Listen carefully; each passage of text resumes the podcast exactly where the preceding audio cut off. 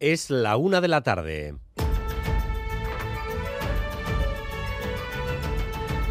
Crónica de Euskadi con Dani Álvarez.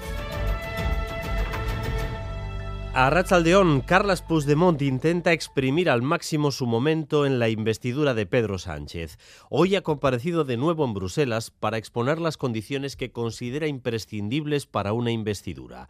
Lo ha hecho con una escenificación en la que parecía que el actual presidente sigue siendo él y utilizando constantemente las palabras acuerdo y negociación. Pero después han llegado esas condiciones, que son tres. Una parece que ya está en marcha, que se asuma la legitimidad del independentismo.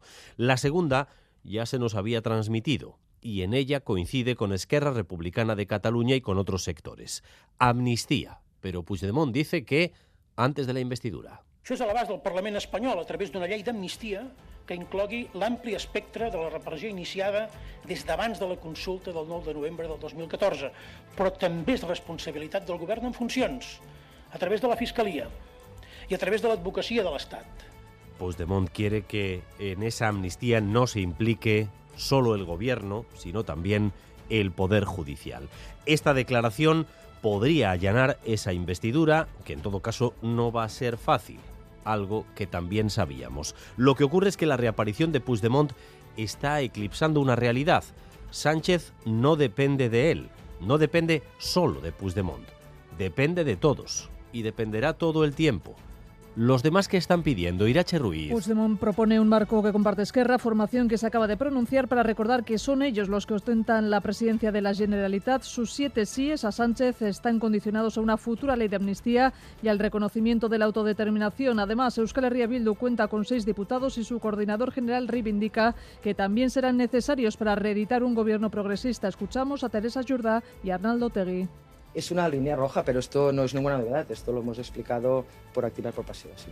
Nik ez dut uste eh, katalanek irmoago daudenik negoziazio mai honetan. Argazkiak eta gauza publikoan egiten direnean, ba, normalean zailtasuna sortzen dituzta.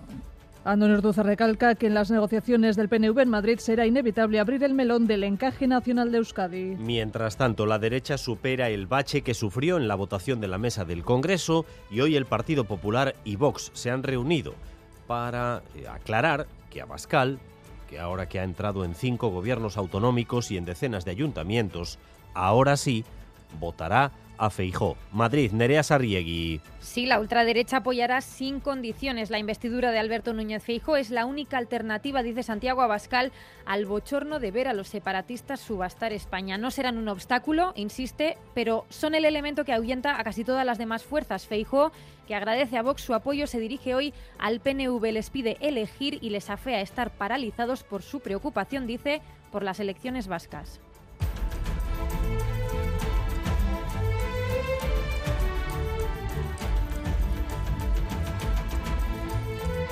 En la localidad riojana de Aro, un joven vizcaíno con problemas psiquiátricos arrolló de forma deliberada con su coche a un grupo de personas ante el centro de salud. Un sanitario ha muerto en ese atropello. Sonia Hernando. El detenido estaba en Arosí de manera temporal con su familia. Tiene 26 años, es vizcaíno. Era el conductor del vehículo que entró ayer noche a gran velocidad al centro sanitario arrollando a siete personas. Cuatro eran personal sanitario, entre ellos Manu, el fallecido técnico de ambulancia. Su compañero José Ramón nos lo relataba así. Conducía él. Entonces, eh, en ese brote, pues tuvo el, pues eso, el acelerar y llevarse a mis compañeros por delante con la trágica, pues eso, que Manuel pues ya no nos va a acompañar más. El detenido sigue en calabozos de Aro a la espera de pasar a disposición judicial. Varios testigos señalan que sus padres estaban con él en el coche y que padecía problemas de salud mental. Las otras seis personas heridas en el arrollamiento están fuera de peligro. Día de gansos en Lekeitio con tiempo radiante y todo preparado para seguir la fiesta más esperada del año en el pueblo. Se acaba de sortear el orden de los botes. Natalia Díaz, adelante. Sí, a Rachaldeón justo hace nada, tres minutos, acaba de finalizar el momento previo al concurso, el más esperado de la mañana, ese sorteo en la plaza del orden en el que saldrán este año los 97 participantes a partir, recordemos, de las 4 de la tarde. Nadie quería salir ni quiere salir de los primeros, ni sobre todo de los últimos, porque claro, las horas de fiesta pues pasan factura. El ambiente es inmejorable, cuadrillas y cuadrillas vestidas de riguroso azul mao, mucha gente de aquí, también de fuera, 40.000 personas nos dicen que pueden estar ahora mismo en este Anchareguna. Hace mucho calor, bochorno además, con lo que los chapuzones no van a ser solo los de los y las que van a intentar atrapar esos gansos por segundo año, recordemos, solo de goma. A ver si os impregna el ambiente que ahora mismo se vive aquí en Lequeitio y la Asociación Bercholari en Laguna, que ha presentado en Bayona el campeonato de berchos por grupos de Xilaba. Van a participar 39 bercholaris en nueve grupos. Empieza el 22 de septiembre en Zuberoa y terminará el 18 de noviembre en Ayerra. La organización desea que el bercholarismo tenga un espacio más allá de la solemnidad que suelen tener los campeonatos individuales y subrayan la participación de mujeres y jóvenes. Mindy Muruarena. Ja, urten amasei uh, emaztek parte hartzen dute, baditugu oiko bertsolariak egiko plazetan eta bakarkako txapelketetatik ezagutzen ditugunak, baditugu gazteak, baditugu uh, lehendik uh, bertsolaritza pixkat baztertua zutenak eta behiz tabladu gainera heldu direnak. Y vamos también con lo más destacado del deporte, con Álvaro Fernández Cadierno, Arrachaldeón Álvaro. Arrachaldeón se presenta en apenas media hora John Carricaburu en Vitoria, cedido por la Real al Deportivo Alavés. El Villarreal ha cesado aquí que Setién, primer técnico que cae de primera, y el Eibar ha fichado a la joven delantera senegalesa Malado Diallo en baloncesto. Serbia está ya en semifinales del Mundo Básquet, ha ganado a Lituania.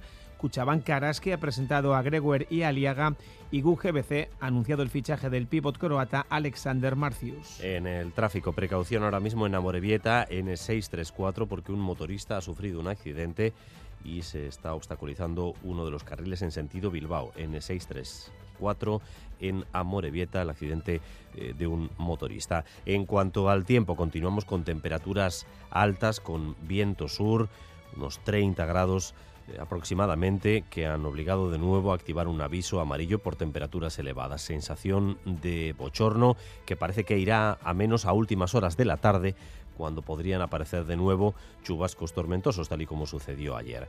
De momento tenemos 31 grados de temperatura en Donostia, 30 en Bilbao, 28 en Iruña, 26 en Vitoria-Gasteiz. Gracias un día más por elegir Radio Euskadi y Radio Vitoria para informarse. Raúl González y Arancha Prado se encargan de la dirección técnica y María Cereceda de la coordinación. Crónica de Euskadi con Dani Álvarez.